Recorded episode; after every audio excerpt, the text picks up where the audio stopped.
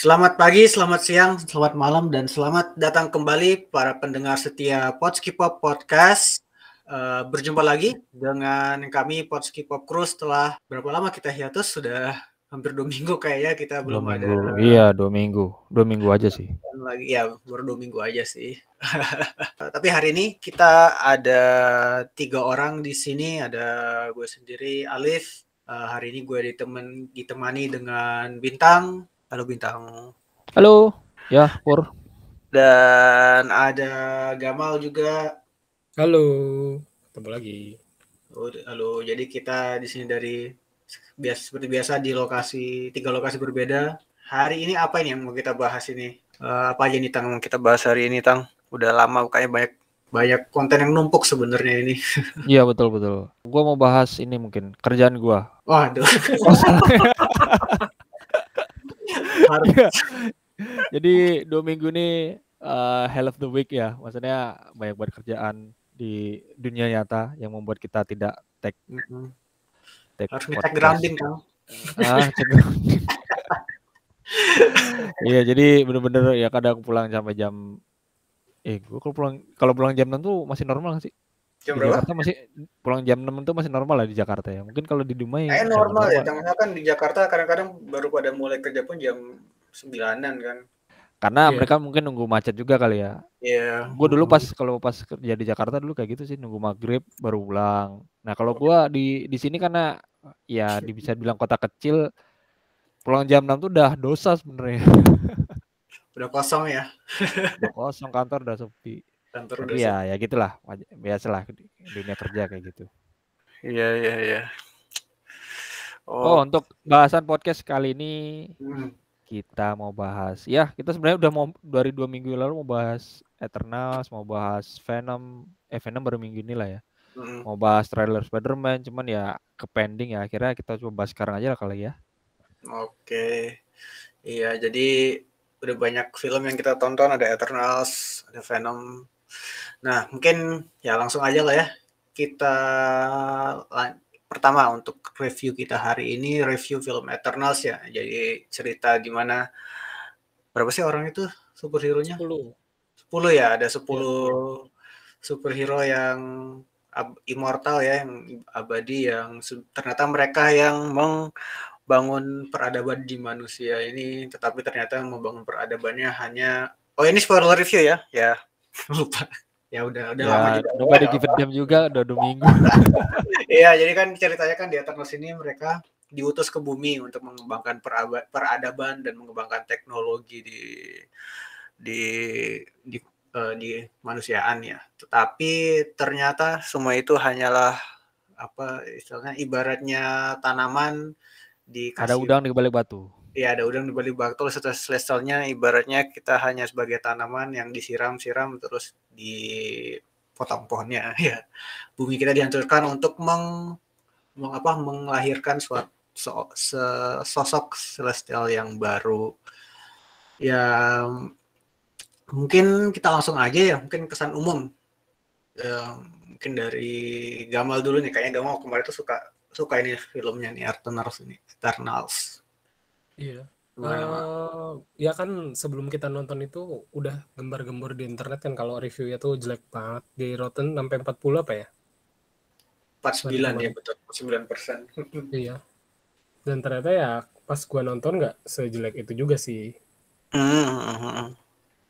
Bagus lah gue suka filmnya dan untuk film secara mungkin kalau dia berdiri sendiri kurang ya karena Iya. pengenalan karakternya kurang dalam betul dan itu pun juga udah apa namanya udah dua setengah jam. Tapi ya mau gimana lagi 10 orang yang disorot kan tapi kalau menurut gue si sutradaranya ini bagus sih dia dalam menceritakan background itu walaupun belum maksimal pastinya kan dengan waktu segitu doang. Tapi ya udah lumayan bagus lah. Dan nggak ada scene yang kayak kebuang-buang gitu aja sih menurut gue padat. Iya. Ceritanya Iya setuju sih emang, emang setiap ya mungkin karena memang harus padat ya semua scene-nya ya. Iya. Jadi ya dua setengah jam itu ya itu pun mungkin sebenarnya masih terlalu pendek juga kan karena beberapa orang yang bilangnya terlalu banyak yang dikembang yang dicoba dikembangkan dalam hanya dua setengah jam itu ya dan itu memang menurut gue emang salah satu poin kurangnya juga sih kayak kita belum cukup memahami atau karakter suatu karakter tetapi karakternya udah ada twist sendiri ya kayak karakternya si Ikaris itu kan tiba-tiba ternyata dia yang, yang jahat ya. gitu tiba-tiba terus si Sprite entah gimana ya tiba-tiba dia ternyata suka sama si Karisnya juga. Jadi itu sih yang agak kadang-kadang mungkin terlalu cepet juga ya. Tapi kalau dari gue sih gue suka dari fight scene-nya juga lumayan keren lah. Ya dari segi sinematografinya bagus dan memang uh, si siapa nih Chloe Zhao ini emang di film yang sebelumnya Nomadland juga di salah satu yang dipuji juga adalah bagian sinematografinya juga yeah, ya. Setuju. Nah, ini terkait sinematografi nih, Tang. Ini kan katanya dia mengambil inspirasi dari sutradara favorit lo, Zack Snyder. Gimana, bisa bisa kerasa nggak efek hawa-hawanya? Ya, sebelumnya mungkin kalau misalnya Eternals ini dibuat oleh uh, DC, Warner Brothers, DC. Warner Brothers atau DC, kelihatannya nilainya bakal lebih rendah lagi deh sebenarnya. Karena sebenarnya ini ceritanya itu kurang lebih sama ya kayak uh, pembawaannya DC yang yeah. yang gloomy, yang dark. Tapi karena ini Marvel masih ada yang ngevote 49% sampai berapa tadi 49%. Itu kayak mm. ya karena ini Marvel jadi gue ngasih nilai plus lebih lah. Coba kalau ini DC pasti nilai sampai 30% yakin deh gue. karena sebenarnya ya itu Bor, kalau lu bilang tadi ya for the record Zack Snyder bukan sutradara favorit gua. Oh, tapi ya. maksudnya memang memang di di film ini pembawaannya tuh kerasa banget dari sisi apa nama shot yang diambil, angle shot diambil oh. tuh mirip ya bukan maksudnya mengikuti banget uh, dari yang si Zack Snyder biasa lakukan. Dan hmm. itu biasa yang orang apresiasi dari Zack Snyder kan. Ya hmm. regardless dari ceritanya yang kadang suka agak de, apa develop ceritanya yang kadang suka agak nggak bagus. Yeah. Cuman itu gue bilang kalau kalau misalnya Eternal yang dibuat sama DC ya kelihatannya bakal nilainya bakal drop lagi. Tapi dari sisi gue sendiri suka sama cerita ini nggak seburuk yang orang bilang Betul. Ya, karena gue gua, gua gua aja menikmati film Batman vs Superman yang kalian gak suka kan cuman dan gue menikmati karena ya pembawaannya sama sebenarnya ini cerita-cerita yeah, yeah, dark yeah. yang yang bukan dark juga sih sebenarnya. Kalau dibilang dark nggak dark juga karena ini masih ada lucu-lucunya masih ada sisi komedinya juga. Cuman pembawaannya yang cukup gloomy kan sebenarnya kan. Dan hmm. kekurangannya karena terlalu banyak orangnya jadi kelihatannya sebenarnya dua setengah jam itu gue pikir untuk suatu film udah cukup lama. Tapi ternyata untuk mendevelop cerita untuk 10 orang itu agak terlalu malah nggak malah kurang gue rasa. Ya harusnya nggak tahu ya apa bisa dikurangi sebenarnya dari uh, aktor-aktor itu bisa dikurangi jumlah itu bisa dikurangin atau gimana nah ya, kalau menurut lu gimana tang? Lebih baik orangnya lebih sedikit atau sebenarnya gue orangnya lebih sedikit sih kayak ada yang justru nggak terlalu menonjol kayak misalnya gini kayak Angelina Jolie. Bisa dibilang dia di sini cuma pemanis doang. Kenapa ya? Karena dia nggak menambah edit value ke cerita, eh, edit value ke ini ke ceritanya. Dia cuma dibilang kalau dia punya penyakit. Sorry, dia menambah edit value, cuman dia nggak terlalu signifikan. Dia dibilang punya mengidap in, penyakit ini yang ternyata itu bukan penyakit, tapi sebenarnya dalam memori yang dihilangkan. Seharusnya dihilangkan, tapi ternyata masih ada ya gitu kan. Hmm. Tapi ya udah cukup stop sampai situ aja. Dia tiba-tiba pas uh, final scene-nya itu hilang penyakitnya dia bisa bertarung dengan kesadar fully uh, uh, sadar ya dan itu sih yang agak gue kecewa jadi kalau menurut gue sih ya dikurangin aja nggak perlu ada Angelina Jolie atau nggak perlu ada siapa ya karakternya hmm, yeah. pokoknya bisa hmm. masih bisa dikurangi sih tapi yang bikin gue bangga sama film ini ada satu sih ada referensi Superman bukan bukan bukan bukan eh referensi referensi referensi ke Superman dan Batman-nya ada cuman satu lagi ada ada aktor dari Indonesia yang bermain di sini. Siapa? Loh, kalian nggak tahu? Siapa tahu? Game Macan itu Indonesia kan? Hah? Ini ini apa nih? Ini apa lagi jokesnya nih? Game Macan Indonesia kan, Gem? Tau kasih tau gue sih. Dia orang Minang. Game Caniago dia kan. Asing. Aduh. Mohon maaf ya pendengar sekalian ya. Gimana Caniago itu gambar orang orang Minang. Orang Minang ya. Iya, dipendekin aja ya namanya.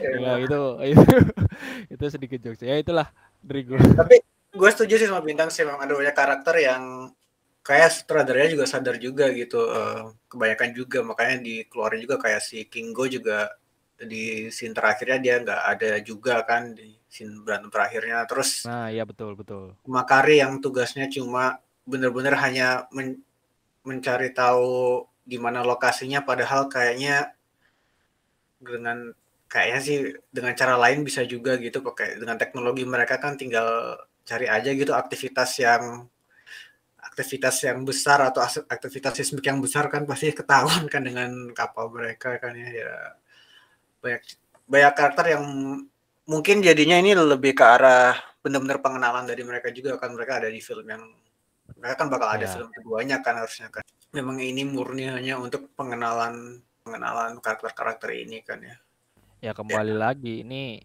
sebenarnya dari awal nih kan filmnya cukup di apa namanya dari awal tuh menurut gua teaser trailernya udah bagus posternya yeah. ini bukan mengikuti pattern MCU seperti biasa yang tumpuk-tumpuk apa tumpuk-tumpuk karakter yang yang normal MCU lah. Itu tuh sebenarnya gue udah apresiasi banget dan tapi ya mungkin karena sebagian orang nggak suka dengan cerita yang seperti ini yang model model pembawaannya. Oh sorry.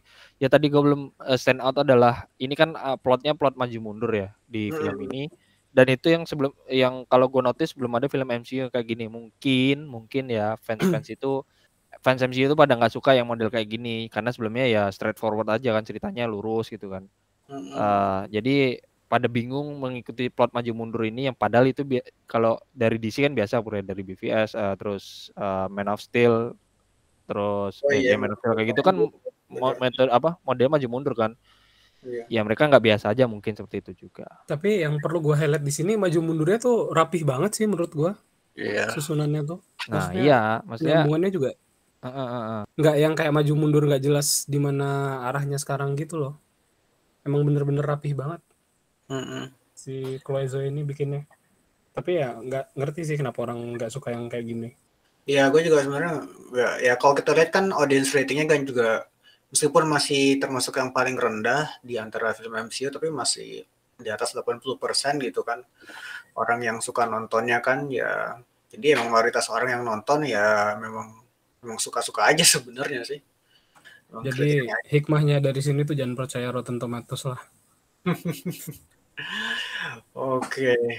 Nah, kalau nil ngomongin nilai nih, kalau kita sendiri mau kasih nilai berapa nih, Tang? Hmm, gua gua 7,8. Itu sudah banyak Suicide Squad tuh berarti. Gua ngasih Gua Suicide Squad 8 deh kalau nggak salah. Cuma? Gua 8. Oke. Oh ya gue nilai gue berapa ya? Paling gue kemarin selesai Squad ngasihnya tujuh setengah ini agak kurang bagus. Ya tujuh lah berarti lah. Tujuh. Karena memang setelah gue pikir-pikir yang gue paling suka itu memang koreo visual apa eh visual terapi apa sinematografi. Ya sih fotografinya fotografi dan koreografi berantemnya ya. Tapi setelah gue pikir kalau misalnya itu aja yang gue suka jadinya mungkin emang ya filmnya ceritanya mungkin memang kurang kurang kena juga kalau misalnya itu yang teringat dalam benak gue. Makanya cuma tujuh. Oke. Lanjut kalau gitu setelah Eternals kita bahas berikutnya Venom 2 Let There Be Carnage.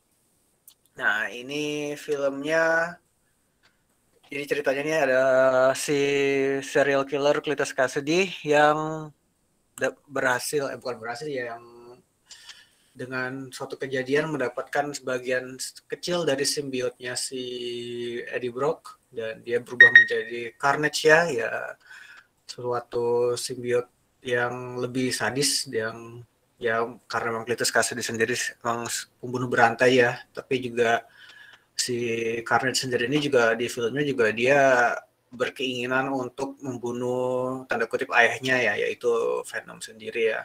Nah, jadi ini kalau film ini ratingnya gimana nih?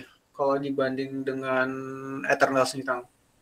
Ini Sebelumnya sudah ada kayak dibilang kalau misalnya lu suka Venom satu berarti lu suka Venom yang kedua ini. Hmm. Ya, gue sendiri Venom satu gue suka. Gue su yang gue suka dari Venom satu adalah gimana interaksi antara Venom dan Eddie Brock itu gue suka banget interaksinya Venomnya lively dibanding dengan Venom yang ada di Spider-Man 3 ini sangat jauh beda interaksi antara si Venom sama si Eddie Brock kan. Dan gue suka, tapi yang gak gue suka itu adalah kenapa durasi itu cuma satu setengah jam sehingga cerita itu kayak deras terasa sangat rushing gitu. Iya iya iya. Ini tuh ngerushing ngerush banget jadi kayak memang uh, straightforward ceritanya nggak kayak basa-basi dari awal itu kayak udah langsung langsung ditemuin Venomnya nggak dijelasin dia setelah berapa lama dari Venom satu terus tiba-tiba lah dia langsung ketemu sama si Cletus Cassidy ini kan kayak yeah, yeah. kayak bahasa babi bu babi bu langsung ya udah straightforward aja sampai akhir Cletus Cassidy-nya alah nah gitu aja sih sebenarnya ya yeah. cukup menarik secara secara cerita yang gak terlalu aneh-aneh cuman ya gue sih berharapnya bisa lebih daripada ini gitu dari hmm secara cerita. Memang sih ya ceritanya ya straightforward lah ya kalau menurut gue ya.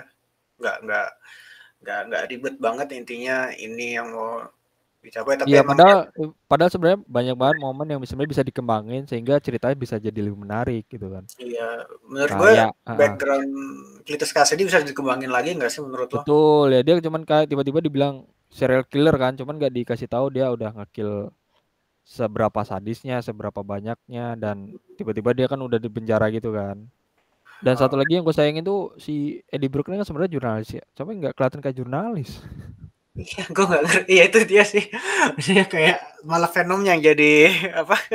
iya, kayak Venomnya yang malah yang ngelit gitu kan. Penasaran yang gitu Iya, kan, ya. penasaran tuh kayak dia tuh kayak cuman seorang eh, ya seorang pria yang eh, happens pengangguran gitu aja ya? pengangguran yang kayak kalau ada satu cerita jadi jurnalis gitu. Ya gimana loh mal menurut lo? Ini mungkin dibandingkan dengan Venom satu gimana nih mal? Lebih bagus sama aja? Atau gua lebih suka Venom satu sih kayaknya. Hmm. tapi tetap menghibur sih Venom 2 ini. Hmm. cuma ya ada kalau menurut gua ada beberapa bagian yang awkward aja sih terutama interaksi antara si Cletus, Carnage sama si Shriek-nya itu. Kayak apa ya? Enggak Iya betul sih.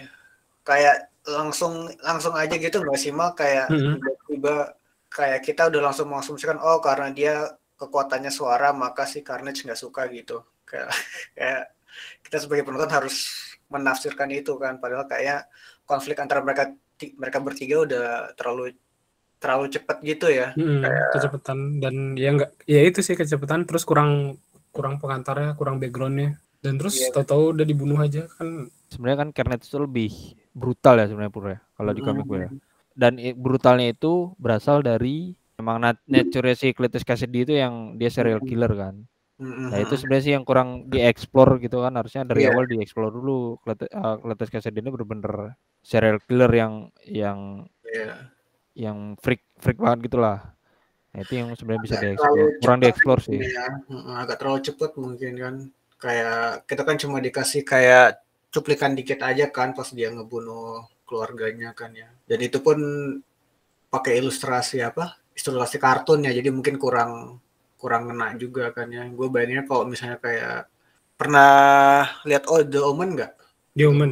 The Omen ya yang anak kecilnya itu yang anak hmm. setan itu kan creepy banget kan anak kecilnya kan ya tiba-tiba dorong dorong gitu kan maksudnya kan bisa seperti itu kan benar-benar anak kecil yang kayak sakit juga gitu yang lebih ngena lah di kitanya kalau misalnya cuma ilustrasi komik aja mungkin jadinya ya terlalu cepat dan kurang kena aja kurang kena aja tapi kalau menurut gue Claytusnya udah cukup menggambarkan dia psikopat sih hmm, okay. nah ya itu interaksi antara dia dan Carnage awal-awalnya yang mungkin kurang ya iya, hmm. tapi yang menarik ini gue mendengar kata-kata yang menarik ini di awal filmnya itu bahwa si Shriek itu ada mutasi itu nggak tahu tuh menurut lo apakah ini cuma mutasi Maksudnya mutasi spesial bisa jadi foreshadow juga lah ini bener ini ada mau ada lanjutan ke X-Men atau gimana ya itu udah sebenarnya mungkin bisa jadi ya kalau mood nggak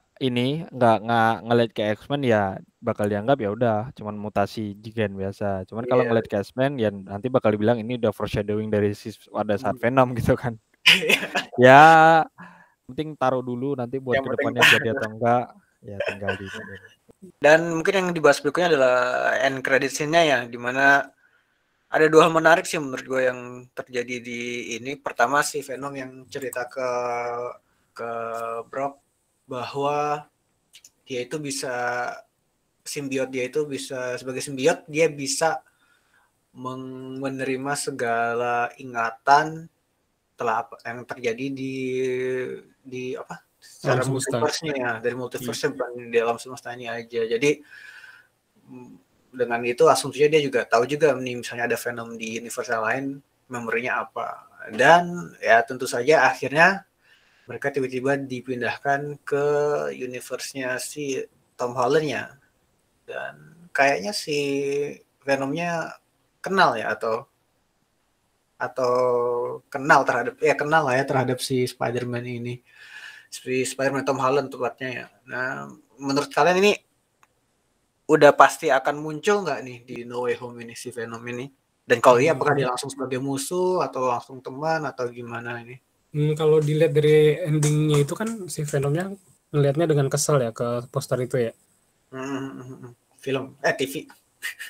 Iya TV. Kayaknya yeah. sih ya kelas dulu. Kalau yeah. ujungnya bantuin atau gimana nggak tahu. Tapi awal-awalnya pasti kelas dulu. Terus juga kayaknya dia kenalnya tuh Spider-Man pada umumnya sih, bukan si spesifik. Kalau lo gimana Tang? Sama. Ya. Jadi musuh dulu. Hmm. Kan di ya. sini kan sebenarnya Venomnya tuh udah bisa dibilang dia sebagai superhero lah. Dia bilang yeah. kan biar the little protector gitu kan. Jadi bisa dibilang dia udah menganggap dirinya superhero eh bahkan si Venomnya sendiri sudah menganggap kalau dia sama Eddie Brock tuh sudah jadi superhero gitu kan. Iya mm. menurut gua bakal ada clash-clash kecil tapi nanti pada ujungnya ya mereka bakal jadi semacam musuh tapi teman. Musuh tapi teman. Gimana ya? Ya kayak gitulah. Ya, Naruto sama Sasuke. Naruto sama Sasuke bisa kayak gitu. Jadi ya nggak tahu nanti mungkin hmm. bisa muncul di No Way Home Mungkin nanti di di apa namanya yang yang mau Lizard adalah Venom. Iya. Itu yang mau lo denger kan Pur? Tapi udah ada kok cast listnya sih Tom Hardy ini Venom. Iya, iya. Ya. Oh iya kah? iya. Makanya nah, yang gue mau sih ya emang gue maunya ada Underground sama Tobey Maguire tapi ya gue udah antara pasrah aja sama udah kehilangan harapan. Sudah pasti, sudah pasti. Tidak uh, usah denial lagi. ya nilai umum lah untuk Venom dulu ini. Berapa kira-kira nih Pak Om gua Venom? tujuh lah cukup menghibur. Ya tujuh, gue juga tujuh. Bingung ya emang tujuh ya. ya mungkin karena kurang kurang kurang lama. explore aja sebenarnya sih ya kurang explore kurang aja explore, ya betul coba bisa lebih dieksplor gue bakal lebih suka dan maksudnya ya Venom tuh kan ya bener-bener kan karakter yang karakter yang sangat terkenal di universe Spider-Man kan. Harusnya masih bisa lebih dieksplor pada itu gitu. Ya walaupun ya udah sesuai udah komik accurate lah dari ya, sisi penampilan Eddie Brocknya, dari sisi si Venomnya sendiri itu udah komik accurate itu padahal maka itu sayang banget nggak dieksplor lebih jauh sebenarnya. Oke, kalau dari gue sih gue sebenarnya lebih suka Eternals ya. Ya mungkin 6,8 lah untuk ini Venom ya masih masih dapat C lah, masih lolos lah, masih pas. yeah, yeah. Anyway, nah tadi kita udah sempat bahas Spider-Man No Way Home ya. Dan ini Spider-Man No Way Home ini presale-nya sangat laku ya. Jadi kalau dilihat di beberapa site situs itu eh, mereka presale-nya itu dijualnya dari sekarang ya, dari berapa minggu nih? Hampir dua minggu sebelumnya ya. Dan ada satu ada beberapa poin yang menarik. Pertama, ketika mereka dijual websitenya semuanya crash. Entah kenapa udah udah berkali-kali terjadi dari Endgame dan juga dari Star Wars itu. Jadi semua situs uh, booking tiket yang ada di Amerika itu langsung crash. Dan ya biasalah kayak kita mungkin dulu mau masuk mau ngisi siak NG ya, yeah, ya yeah, ngantri yeah. lah. Nah, terlalu ini terlalu kalau ngebahas siak NG terlalu sorry terlalu eksklusif. Mungkin lebih ke arah Mola TV. Mola TV kayak gitu juga kalau misalnya ada kalau ada big match itu kayak gitu juga pur. Uh, Oke. Okay. Atau konser waktu ingat nggak ya apa tuh web kayak Ed Sheeran atau apa gitu ya yang yang kita beli kod eh Coldplay juga kayak gitu pur ya? Coldplay kita nggak sempet Eh, oh langsung enggak, langsung langsung dapat yang langsung dapat ya. Coldplay, itu kita akhirnya kan dia kan buka dua buka dua hari kan. Hari kan. Tapi sempat kayak gitu juga kan nggak dapat tiketnya. Tapi kalau yang di sini itu yang yang ada di BSD kayaknya Ed Sheeran waktu itu itu. Gue sampai gue di gue di PC di kantor gue ngantri di PC di rumah ngantri dari HP ngantri nggak ada yang dapat tiket. Ya uh, ya gitu lah. Tapi emang ini menggambarkan betapa apa ya betapa orang ini penasaran dan tertarik pada cerita Spider-Man ini ya. Meskipun belum ada kenapa iya. Ah, belum belum ada kenapa pur? Kenapa penasarannya pur? Dan yang parahnya itu ada yang jual di Amazon. Sampai dua puluh lima ribu dolar coba. Ribuan dolar udah. Ya itu the opportunist lah. Ya maksudnya ada aja yang beli gitu kan ya iya ya sangat ya FOMO FOMO. Jadi memanfaatkan kefomoan orang untuk uh, mendapatkan harga yang tinggi gitu kan FOMO dan ya. banyak duit tentunya ya. Iya. ah iya iya betul. Tapi dan uh, kalau lo sendiri lo lo rela bayar berapa untuk biar nggak ke spoil lo dapet premier untuk Spider-Man ini? Cepet. Ya untung untungnya di Indonesia nggak gitu kan jadi maksudnya selama lu misalnya nggak dapat hari pertama ya udah lu tinggal mute kan kata-kata di Twitter Spiderman gitu di mute kan nggak bakal ke spoiler juga. Iya, yeah, live group atau live group atau di Instagram ya nggak usah buka Instagram dulu. Sebenarnya kan gampang gitu kan. Nggak mesti hari pertama langsung atau jadi fans MU dulu. Kenapa fans MU? Masa gua? gua. Intinya intinya untungnya di Indonesia nggak kayak gitu bro jadi kita kelihatannya nggak terlalu bakal kayak ya di Amrik cuman menurut gue ya gue nggak bakal se FOMO itu sih dan nggak bak kan nggak bakal semua FOMO itu dan nggak bakal bayar sebanyak itu juga ya kalau bayar sebanyak itu enggak karena gue nggak punya duitnya juga sih misalnya tiga uh, ini ada jual nih prime time posisi paling enak tiga ratus ribu lu masih beli nggak udah habis nih, udah habis. Kalau ini kan kita masih ada nih, ini dalam seminggu depan udah habis tuh, tiga ratus ribu masih mau nggak? Kalau satu hari gue nggak mau, tapi kalau udah seminggu gitu mau lah. gimana? Kan case-nya beda sama konser ya. Kalau konser kan lu punya yeah. cuma punya kesempatan sekali dalam setahun misalnya dalam misalnya suatu suatu band itu bikin konser itu cuma paling setahun di satu kota gitu. Dan itu lu kalau lu nggak dapat tiketnya ya lu pasti bakal cari-cari ke mana-mana ada yang jual atau enggak kan. Kalau film kan ya dia bakal tayang selama hampir dua minggu lah kalau iya. misalnya laku tuh. Jadi ya udah slow aja bro. Nggak bisa tang kalau di soalnya di lingkungan kita di rumah di rumah yang nonton dikit juga tangnya ya iya enggak pasti lingkungan kantor gua nanti tiba-tiba udah bilang woi lu udah nonton belum lu? Cerita gini gini gini. Paling ya stop. Oh, gua kok enggak lu gua nggak kasih ini nggak kerjain tugas gitu. Gitu gitulah. Jadi masih ya. masih bisa di masih bisa di handle kalau masalah film. Cuman ya ya kembali lagi kalau kalau film ya selama durasi tayangnya masih panjang gua nggak iya. bakal mau ngeluarin duit sebanyak itu juga. Ya sebenarnya kan kalau di Indonesia pun kan apalagi kalau di Jakarta gampang ya maksudnya kita cari tempat iya betul betul betul. kalau misalnya kita memang maksa mau di yang bagus yang IMAX atau apa gitu kayak di Gancit atau The Breeze memang mungkin ya opsinya paling itu aja dan mereka pasti udah udah penuh juga kan pak dari hari minggu sebelumnya. Tapi kalau misalnya kita mau pakai ya yang ya mall-mall yang mungkin nggak terlalu banyak rame nggak banyak orang ya mungkin masih masih dapat juga sebenarnya ya. Cinere Cinere Mall. Cinere Mall nggak oh. rame Oke, oke. Jadi kita udah membahas apa yang sudah kita nonton di bioskop dan apa yang kemungkinan besar kita nonton di bioskop juga di Spider-Man No Way Home nanti. Nah, sekarang ini apa aja sih yang ada di streaming ya, yang di streaming di Disney Plus atau Netflix? Apa aja sih kalau gue sendiri sih yang gue ikutin yang nggak ngikutin juga sih gue bahkan lupa kemarin ada episodenya itu gue lagi nonton Hawkeye ya di Disney Plus. Dan sejauh ini sih menghibur menarik tapi masih uh, belum semenghibur serial Marvel yang lainnya. Tetapi dari episode 1 sama, sampai ke episode ketiga ini makin makin menarik ceritanya makin menghibur.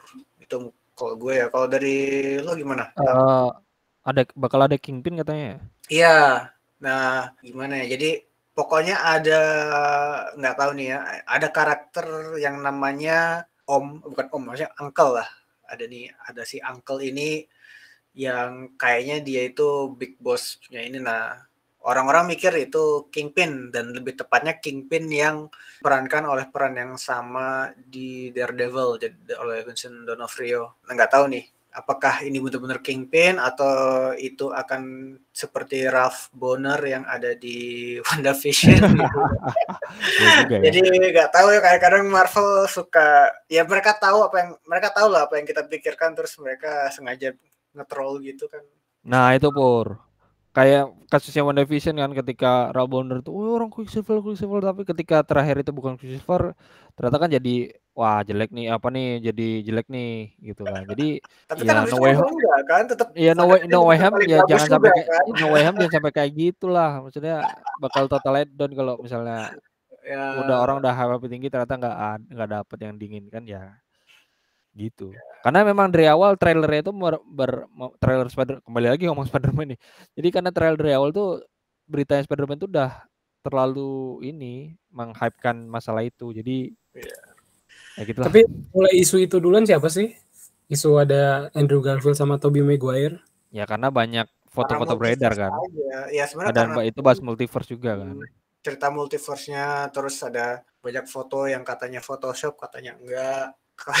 karena emang banyak Photoshop, banyak juga foto-foto Photoshop yang mereka di, di ditaruh bareng gitu kan. Tapi ya kita kan sempat juga ada juga kan yang kita tahu ada satu foto yang klik yang memang katanya memang bener ya bener mereka ada di Tapi, situ lah. fake sekarang udah seserem itu sih. Iya sih, ya betul sih ya sebelum itu aja kan kalau Photoshopnya jago bisa aja nggak kelihatan kan. Iya, tapi sejago apa pun kenapa poster Spiderman tetap jelek? Nah itu gue itu kayaknya emang sengaja deh tang kayak bukan bukan Spiderman aja poster Marvel itu emang Nah ya iya kan tadi gue gue bilang kan posternya Eternal tuh udah merubah patternnya MCU sebenarnya yeah. yang yang template tempel-tempel orang. Kenapa pas Spider-Man balik lagi gitu Pur itu yang oh. itu yang gue masih nggak habis pikir gitu. Apa nggak buat sesekali poster yang bagus? Ini poster kayak kayak Photoshop. Ya gitu lah. Kayak Photoshop. kayak cici Photoshopnya ini thumbnail kita kayak gitu. Maksudnya yeah. masa setara sama itu kan. Oh tadi gimana mal? Kau lagi nonton apa nih mal di streaming? Di streaming gua nonton barusan sih Hellbound baru kelar. Hmm. di Netflix lumayan menggelitik moral sih. Tapi kayaknya nggak jauh dari realita yang ada di masyarakat. Waduh berat sekali kayaknya. Hmm. fantasi sih cuman ya perilaku masyarakatnya kayak gitulah. Jadi kayak ada kejadian di mana orang itu di kayak dibilang dia mati kapan dan di waktu itu ada monster yang datang langsung ya dibunuh aja orang itu. Nah terus itu dimanfaatkan oleh aliran sesat untuk nyebarin alirannya dia dan ya untuk manfaatin itu jadi keuntungan kelompok mereka jadinya dan mereka jadi kayak bisa di atas hukum gitu. Menarik sih kayak konsepnya ya. Konsepnya ya itu menggelitik moral sih kalau nggak kuat mental kayaknya agak-agak gimana gitu nontonnya. Tapi Korea, Bor, lu pasti nggak bakal nonton, Bor. Iya, nonton. iya, iya. Lu Squid Game aja gak nonton, apalagi yang kayak gini.